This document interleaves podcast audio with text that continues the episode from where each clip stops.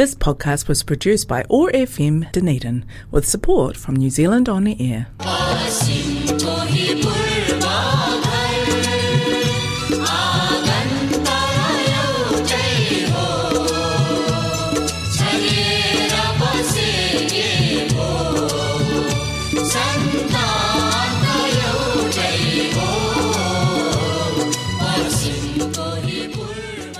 Kia ora, nau mai, haere mai.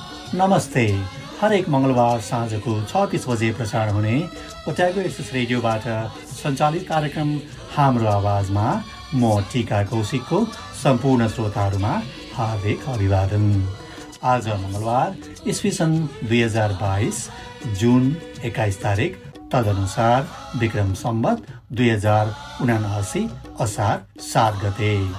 दैनिक नेपाली समाजको प्रस्तुति रहेको कार्यक्रम हाम्रो आवाज हो भने यस कार्यक्रमलाई प्रायोजन गरेको छ कनेक्टिङ कल्चर एथनिक कम्युनिटिजले कार्यक्रम हाम्रो आवाज ओटाको एक्सेस रेडियो एक सय पाँच दशमलव चार मेगाहजमा हरेक मङ्गलबार न्युजिल्यान्डको समयअनुसार साँझ छ तिस बजेदेखि सात बजीसम्म सुन्न सक्नुहुनेछ भने पोडकास्ट तथा आइट्युन्सबाट तपाईँले चाहेको बेलामा सुन्न सक्नुहुनेछ।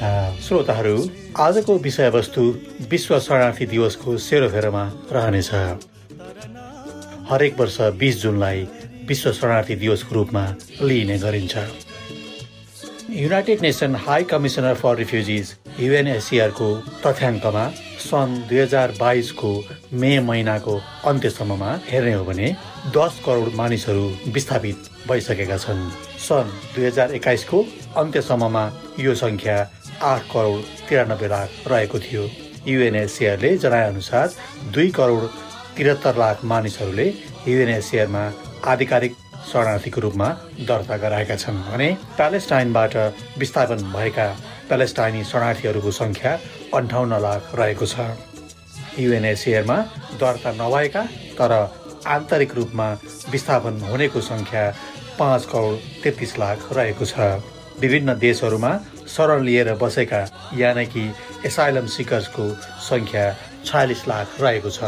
दक्षिण अमेरिका स्थित भेनेजुएलाबाट विस्थापित हुने मानिसहरूको सङ्ख्या पनि चौवालिस लाख रहेको युएनएसिआरले जानकारी गराएको छ।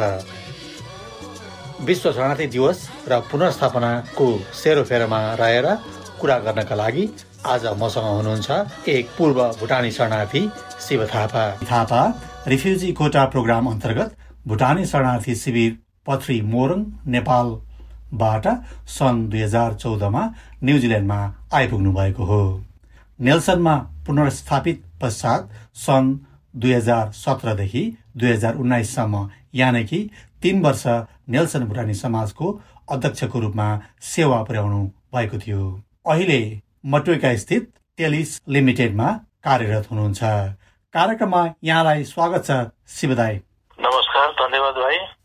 समस्त मेरो आवाज सुनिदिने श्रोताहरूमा पनि न्यानो न्यानो सबैलाई अभिवादन भन्न चाहन्छु। आजको कार्यक्रम प्रसारण भइरहँदा हामी विश्व शरणार्थी दिवसको उत्तर सन्ध्यामा छौँ। यानि कि हरेक वर्ष बिस जुनलाई विश्व शरणार्थी दिवसको रूपमा लिइन्छ। पूर्व शरणार्थी भएको नाताले यो दिवसलाई कसरी हेर्नुहुन्छ? यो विश्व शरणार्थी दिवस वास्तवमै भन्दा चाहिँ एक प्रकारले राम्रो कुरा पनि छ।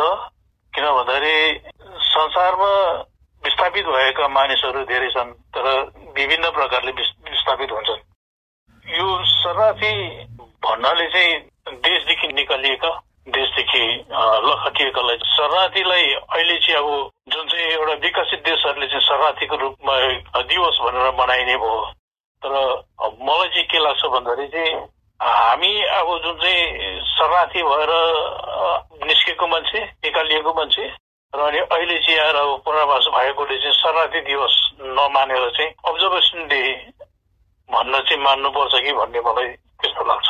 किन भन्दाखेरि शरणार्थी कुनै पनि आफ्नो इच्छाले आफ्नो रहरले शरणार्थी भएको हुन्न भन्ने मलाई लाग्छ र त्यो भएको हुनाले चाहिँ जति पनि अबको दिनहरूमा चाहिँ रेफ्युजी डे नभएर चाहिँ रेफ्युजी अब्जर्भेसन डे भनेर मान्नुपर्छ कि भन्ने जस्तो लाग्छ। यो शरणार्थी भएकोमा उत्सव मनाउने त पक्कै पनि होइन। तर पनि भनौँ न अब आउँदा दिनहरूमा यसलाई एउटा हामीले एक्नोलेज गर्ने होइन? मान्छेहरूलाई यसको महत्त्व बुझाउने जबकि भोलिका दिनमा कसैले पनि शरणार्थी हुनु नपरोस् भन्ने उद्देश्यका लागि यो दिवसलाई भनौँ न यसो एउटा एजुकेसन शिक्षाको रूपमा लिनुपर्छ कि भन्ने मेरो विचार हो? के भन्नुहुन्छ? अवश्य। यो वास्तवमा चाहिँ कुनै पनि देशमा अब एक अर्कामा अन्डरस्ट्यान्डिङ भन्ने एउटा बुझाबुझ र मानिसमा एउटा कन्साइन्स विवेक गुमिएको अवस्थामा चाहिँ अब यो मानिसहरू कुनै पनि देशका जनताहरू नागरिकहरूलाई चाहिँ निकालिन्छ। र शरणार्थी शरणार्थी हुन्छ र यसमा यो कन्साइन्स जुन चाहिँ विवेक नहुँदाखेरि खण्डमा चाहिँ एकअर्कामा बुझाबुझ नभइदिएको खण्डमा चाहिँ अब यो रेफ्युजी हुन पुग्छ अब र त्यस कारणले चाहिँ एकअर्कामा बुझ्ने सरकारले जनताको कुरा बुझ्ने सरकारले आफ्नो जनतालाई चाहिँ आफ्नो छोराछोरीको नजरले हेर्ने जनताले चाहिँ आफ्नो सरकारलाई चाहिँ आफ्नो अभिभावक भनेर जुन जुन प्रकारले एउटा हेराइ हुन्छ त्यो हेराइबाट भयो भने चाहिँ पक्कै पनि शरणार्थी भन्ने जुन जुन शब्द चाहिँ अब हटिन्छ कि भन्ने मलाई लाग्छ। यो सरकारको दायित्व हो कि जब कि मान्छेहरूलाई हामीले संरक्षण गर्नुपर्ने होइन? जब संरक्षणको अभाव रहन्छ कहीँ पनि सुरक्षाको स्थिति नहुने भएपछि मान्छेले सबै कुरा त्यागेर भाग्ने हो होइन? र यो रेडियो सुनेर बसिराख्नु हुने श्रोताहरूलाई हामी यो मेसेज पनि जाओस् अथवा समाजमा यो जाओस् भन्न चाहन्छौँ कि हामी शिक्षित हौँ सचेत हौँ होइन? सकेसम्म यस्तो अवस्था नआओस् भन्ने मेसेज जाओस् भन्ने कुरा गर्छौँ। यो चाहिँ यो के भन्दाखेरि चाहिँ वास्तवमा कुनै पनि प्रसारणहरू हुन्छ जम्मै जनचेतनाको लागि नै हो हुनु चाहिँ तर पनि मानिसहरूमा बुझाइमा चाहिँ फरक काम हो मैले अर्कै तरिकाले बुझेको हुन्छु अर्कोले अर्कै तरिकाले बुझिदिन्छ धेरै धेरै मान्छेको धेरै टाउको हुन्छ र धेरै दिमाग हुन्छ धेरै बुद्धि हुन्छ अनि आफ्नो ज्ञान आफ्नो तरिकाले त्यो भएको हुनाले पनि अलिकति मानिसमा अलिकति फरक छ बुद्धखेरि चाहिँ कसरी बुझ्नु पर्यो भन्दाखेरि चाहिँ अब मानवले मानवलाई गर्नुपर्ने जुन चाहिँ अधिकारहरू हुन्छ त्यो चाहिँ अब मानव अधिकारै भयो होइन? त्यसलाई मान्छेले सबैले चाहिँ अब सराहना गर्दाखेरि चाहिँ यो कुराहरू मानिसमा सबैमा चाहिँ पक्कै पनि चेतना आउँछ होला र सबैमा एउटा बुझाबुझ हुने कुराहरू हुन्छ होला। अनि यो जुन चाहिँ शरणार्थी भन्ने जुन चाहिँ एउटा शब्द छ त्यो वास्तवमा हटिन्थ्यो होला होइन? आफ्नो घरमा छरछिमेकमा त्यस्तो द्वन्द्वहरू हुँदैन थियो होला भन्ने मलाई लाग्छ पीडा छ दुःख छ मन दुखाइ सबैको छ तर भएको कुरालाई हामी फर्काउन सक्दैनौँ होइन? हामी अगाडि बढ्नुपर्ने हुन्छ। दुई दशक भन्दा बढी शरणार्थी जीवन बिताउनु भयो करिब आठ वर्ष भइसकेको छ पुनर्वास भएको पनि। पुनर्वासले यहाँको जीवनमा के परिवर्तन ल्याएको छ? पुनर्वासले अब एक प्रकारले हो भने चाहिँ जुन चाहिँ एउटा जीवन स्तर अलिकति सुध्रेर गए अलिकति मात्र होइन धेरै नै राम्रो भएको छ हुन त। जस्तो अब शरणार्थी जीवन बिताउँदाखेरि कोही बेला अब भनेर पनि साध्य हुन्न। शरणार्थी भन्नाले शरणार्थीको जीवन कस्तो हुन्छ भनेर सबैलाई थाहा छ जसले चाहिँ ती कालहरू बिताएर आए। र हामीले यस्ता पनि देखेका छौँ जसले चाहिँ अब जुत्ता चप्पल कहिले पनि नछोडेको मान्छेले जुत्ता चप्पल लाउनु पाएन होला सायद मिठो मसिनो खानु पाएन होइन? अब त्यस्तो कुराहरू ती दिनहरू गुज्रेर गए। पानी पर्दा छाना चुयो होला। होइन ओछ्यान भिज्यो होला। राति सुत्नु पाएन होला। त्यस्तो प्रकारको धेरै धेरैहरू अब जीवनहरू बितेर गए। बित बितायौँ भनौँ न अब होइन? र अहिले आएर चाहिँ अब यो जुन न्युजिल्यान्ड सरकारले मात्रै नभएर चाहिँ हाम्रो यो जुन चाहिँ आठवटा जुन चाहिँ देशहरू छ अब अमेरिका भयो क्यानाडा भयो न्युजिल्यान्डै भयो अब ती आठ देशले जुन चाहिँ हामी भुटानी शरणार्थीहरूलाई चाहिँ पुनर्वास गराए र यो यो सेटलमेन्ट गराउँदाखेरि चाहिँ उहाँहरूले चिची गरेर धेरै कुरा गरिदिनु भएको छ। हामीलाई यहाँको बारेमा नियम कानुनहरू बताए यहाँको भाषा पढ्नको लागि पठाए धेरै कुराहरू गराए। जीवन स्तर धेरै बढेको छ राम्रो भएको छ। तर तर कुरा के भन्दा चाहिँ जतिखेर आफूसँग थिएन त्यतिखेर आफ्नो आफन्त थिए भने अब जतिखेर आफूसँग अलिकति केही भए जीवन स्तर बढे तर आफन्तहरू छैन त्यो चाहिँ दुःख लाग्छ। अनि अर्को कुरा चाहिँ के भन्दाखेरि आफ्नो परिचय वास्तवमा गुमिन्छ कि भन्ने पनि सोच छ अब अहिले चाहिँ। न्युजिल्यान्डमा विभिन्न देशबाट विभिन्न जातिहरूको पुनर्वास भएको छ। त्यसमा भुटानी समुदायको पनि पुनर्वास भएको छ। भुटानीहरूको जीवनमा के परिवर्तन आएको छ? भुटानीहरूको एउटा के भन्दा चाहिँ जीवन स्तरमा चाहिँ परिवर्तन आएको छ। उहाँहरूलाई अब एक प्रकारले बाहिरी तर्फबाट भन्दा अब हेर्दाखेरि चाहिँ सुख छ। लगभग शान्ति नै होला। तर अब बाहिर शान्ति भित्र त अब क्रान्ति होला सायद। भन्न सकिन्न होइन? अब अहिले सरसर्ती हेर्दाखेरि आफ्नो गरेको छ। केही नभए भने के भन्छ भन्दाखेरि मेरोमा अहिले चाहिँ कमसेकम नोकरी छ मसँग जब छ होइन? भनेर चाहिँ अब एउटा थाती ठोक्छ। घरमा अब अलिकति मिठो खाएको छ। लगभग लगभग धेर थोरले आफ्नो अब अलिअलि जम्मा गरेको छ र त्यो भएको हुनाले चाहिँ लगभग लगभग अहिलेसम्म चाहिँ सबै सबैको राम्रो भयो जस्तो लाग्छ मलाई। त्योभन्दा पनि अझै महत्वपूर्ण चाहिँ हिजो देशविहीन अवस्थाको थियो भने अब आज आफ्नो देश पनि भएको छ होइन? एक किसिमले आफ्नो परिचय पाएको छ। भुटानीहरूको न्युजिल्यान्डमा भएको पुनर्वासले अपेक्षित रूपमा जीवनस्तर उठेको छ कि उठ्ने क्रममा छ कि या उठ्न अझै धेरै बाँकी छ? यो प्रश्न धेरै राम्रो कुरा हो अब यो उठ्न धेरै बाँकी छ जस्तो लाग्छ मलाई। किन भन्दाखेरि चाहिँ जो पहिला आए र अनि जो बढेको मान्छेहरू आयो उमेर उमेर भएको मान्छेहरू आए उहाँहरूले कमसेकम केही न केही गरे तर नयाँ पिँढीहरूले नयाँ पिँढीहरू जुन चाहिँ एउटा जुन चाहिँ चान्सेसहरू पाएको छ पढ्न राम्रो पाए तर पढ्न राम्रो पायो भन्दा सबैले राम्ररी अलिक पढिदिएको पढिरहेको छैन। तर अब यो राम्रो पढिदिएर अनि राम्रो जागिर खानु र एक प्रकारले यो गर्नु हो भने चाहिँ अब अझै गर्नु छ। तर हाम्रो नानी बालबालिकामा चाहिँ अलिकति एउटा अहमता आए अब त्यो चाहिँ खराब लागिरहेको छ।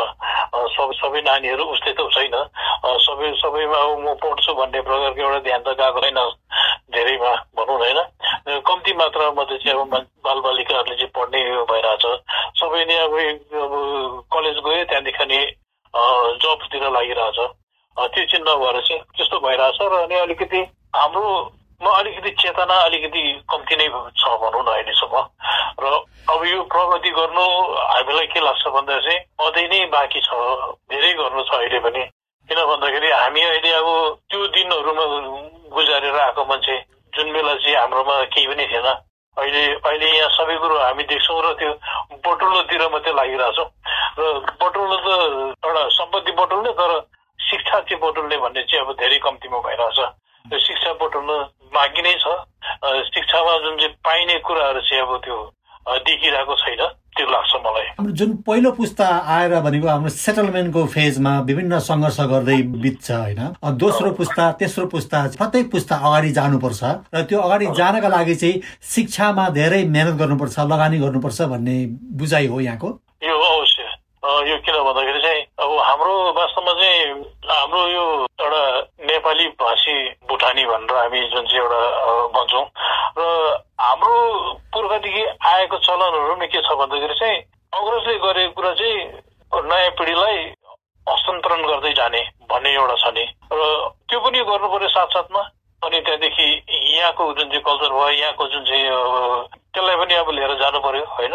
ती कुराहरू चाहिँ हाम्रो बालबालिकाहरूले ती गरेको छैन। र अनि भनौँ अब जस्तो प्रकारले एउटा एजुकेसनमा चाहिँ अब जुन चाहिँ क्वालिफाइड हुने कुराहरू आउँछ नि होइन हाम्रोमा मैले पोहोर परारको साल के सुनेको थिएँ भन्दाखेरि हाम्रो भुटानी समाजबाट चाहिँ अहिलेसम्म शिक्षित त्यो के भन्छ अङ्ग्रेजीमा त्यो लिटरेसी चाहिँ कति वान पर्सेन्ट कि टू पर्सेन्ट मात्रै छ अरे? भन्न त्यसरी कुरा आयो। त्यत्रो आएको छ। भुटानी शरणार्थी अब पामिस्टनमा आएर बसे। पहिला अब क्राइस्टसमा आए त्यहाँदेखि यहाँ नेल्सनमा आए। त्यत्रो हुँदाहुँदै पनि चाहिँ हाम्रो नयाँ पिँढीहरूले चाहिँ यो भनौँ न यो युवा पिँढीहरूले चाहिँ अब अलिकति त्यहाँ एजुकेसनपट्टि चाहिँ त्यत्रो ठुलो ध्यान दिएको जस्तो लागिरहेको छ। आफू नेतृत्वमा हुँदाखेरि धेरै योगदान पुर्याउनु भएको छ समुदायलाई। करिब तिन वर्ष यहाँले नेल्सन भुटानी समाजलाई नेतृत्व दिनुभएको छ। यहाँको अनुभव के छ? भुटानी समुदायमा अथवा व्यक्तिगत रूपमा भनौँ अथवा सामाजिक रूपमा भनौँ त्यस्तो कुनै दृष्टि छ? जब कि मैले भन्न खोजेको के भने हिजो अभावमा हुँदा पनि पूर्ण रूपमा पेट भोको र शरीर नाङ्गो थिएन र म यो पनि मान्दछु कि यहाँ चुनौती छैन भन्ने होइन। तर समुदायमा कुनै यस्तो कुरा हुने गर्दछ आफ्नो समुदायको विकास कसरी गर्न सकिन्छ कसरी समुदायलाई माथि उठाउन सकिन्छ यस्तो काहीँ व्यक्तिगत रूपमा सामूहिक रूपमा त्यस्तो गफका भएको सुन्न पाइन्छ? कतै सुन्नु भएको छ? यो हाम्रो भुटानी समाजमा बारम्बार मेरो कालमा र अनि पछि पनि त्यो अघि पनि कुराहरू राख्दै आएको। त्यसमा प्रश्नहरू राख्दै आएको। बुदाहरू राख्दै पनि गएको। र यो बुदाहरूमा चाहिँ के भन्दाखेरि चाहिँ हामीले हामी को हौँ भन्ने हामी बिर्सिनु हुँदैन। र हामी हाम्रो परिचय के हो? र हामीले अरूलाई अरूलाई हामीले आफ्नो परिचय कसरी दिने? यी कुराहरू चाहिँ ख्याल राखेर चाहिँ हामीले धेरै कुराहरू उठाउँदै गएको। र अनि अब यस्ता कुराहरूमा के भन्दाखेरि चाहिँ मानिसमा सबैभन्दा ठुलो कुरो एउटा जागृत हुनु पर्यो एवेरनेस भन्ने होइन? त्यो चाहिँ हुनु पर्यो अब त्यो एवेरनेस चाहिँ छैन भने चाहिँ अनि गाह्रो हुन्छ अब मैले एकचोटि भुटानी समाजमा अब नेपाली कक्ष जुन चाहिँ चलाउँदाखेरि चाहिँ मैले फिजीको एउटा यो भेटेको थिएँ मैले त्यतिखेर फिजीमा हाम्रो नेपालीहरू आएर बसेको तर नेपाली भाषा न नबोल्ने अङ्ग्रेजीलाई चाहिँ फिजी फिजीको भाषा बोल्ने भन्दा चाहिँ त्यसरी मैले एउटा पेपरमा भेटेको थिएँ न्युज पेपरमा अनि अब सयपरि यो अहिले हामी के हुन्छ भन्दाखेरि चाहिँ अहिले चाहिँ अब हामी नेपाली भाषा बोलिरहेछौँ। अलिक दिनपछि चाहिँ अब यो यहाँ जन्मेका बालबालिकाहरूले आफ्नो भाषा बिर्सिसके अब। बोल्दैन अब आफ्नो माता पितासँग बोल्दा पनि चाहिँ अङ्ग्रेजीमा बोलिरहेको हुन्छ। अनि भने भोलि गएर चाहिँ के हुन्छ भन्दाखेरि आफ्नो भाषा बिर्सिने भए त्यो आफ्नो भाषा बिर्सिने बिर्सिनुको मतलब चाहिँ के भयो भन्दाखेरि चाहिँ त्यो चाहिँ चेतना नभएको कुरा भयो। भाषासँगै आफ्नो परिचय पनि त गुम्छ नि त। त्यो चाहिँ परिचय गुमियो नि त। र त्यस कारणले चाहिँ मलाई के लाग्छ भन्दाखेरि भुटानी समाजलाई सरकारले आफ्नो भाषा सम्बन्धी पढ्ने जुन चाहिँ एउटा त्यो फन्ड दिएको छ त्यसमा अब आफ्नो बालबालिकालाई आफ्नो भाषा पढाउँ भन्ने एउटा सबैमा अब सोच आउनु पर्यो र समाज चाहिँ मलाई के लाग्छ भने समाज चाहिँ व्यक्तिको होइन एउटा सर्वसाधारण सबैको हो भनेर चाहिँ त्यसरी सोचेर आउनु पर्यो होइन? सबैमा सोच नकारात्मक होइन सकारात्मक सोचहरू लिएर आएर बिचमा अब त्यो बुदाहरू राखेर चाहिँ त्यसमा छलफल गरेर के ठिक के बेठिक होइन भन्ने प्रकारको चाहिँ त्यो चाहिँ सोच राख्दाखेरि चाहिँ अनि चाहिँ मान्छेमा एउटा कुनै पनि बुदाको चाहिँ निचोड पुऱ्याउँदाखेरि होइन समाज चल्छ कि जस्तो लाग्छ। तर हाम्रो यहाँ के भइरहेछ भन्दा चाहिँ अलिकति मानिसमा चाहिँ व्यक्तिको मात्रै सोचिदिने पर्सनल मात्रै सोचिदिने समाजको बारेमा चाहिँ नसोच्ने अलिकति त्यस्तो प्रकारको सोचहरू चाहिँ गर्नु हुँदैन। व्यक्तिको नभएर चाहिँ आफ्नो भलो छोडेर चाहिँ अर्काको बरु भलो सोच सोचिदियो भने त्यसमा चाहिँ बरु अलिकति समाजको भलो हुन्छ कि भन्ने मलाई लाग्छ। अब यो बेला आएको छ कि start thinking start talking start dreaming भन्ने कुरा। हजुर। कुनै दिन यस्तो आउन सक्ला कि न्युजिल्यान्ड सरकारले चाहिँ भुटानले ट्र्यास भनेर मिल्काएका जनताहरूलाई न्युजिल्यान्डले हिरा टिपेर ल्याएछ भनेर भन्ने दिन आउन सक्ला न्युजिल्यान्डमा यो प्रश्न चाहिँ अब शोचनीय छ। अब यसमा हाम्रो यो नयाँ पिँढीहरूले सोच्नु पर्यो।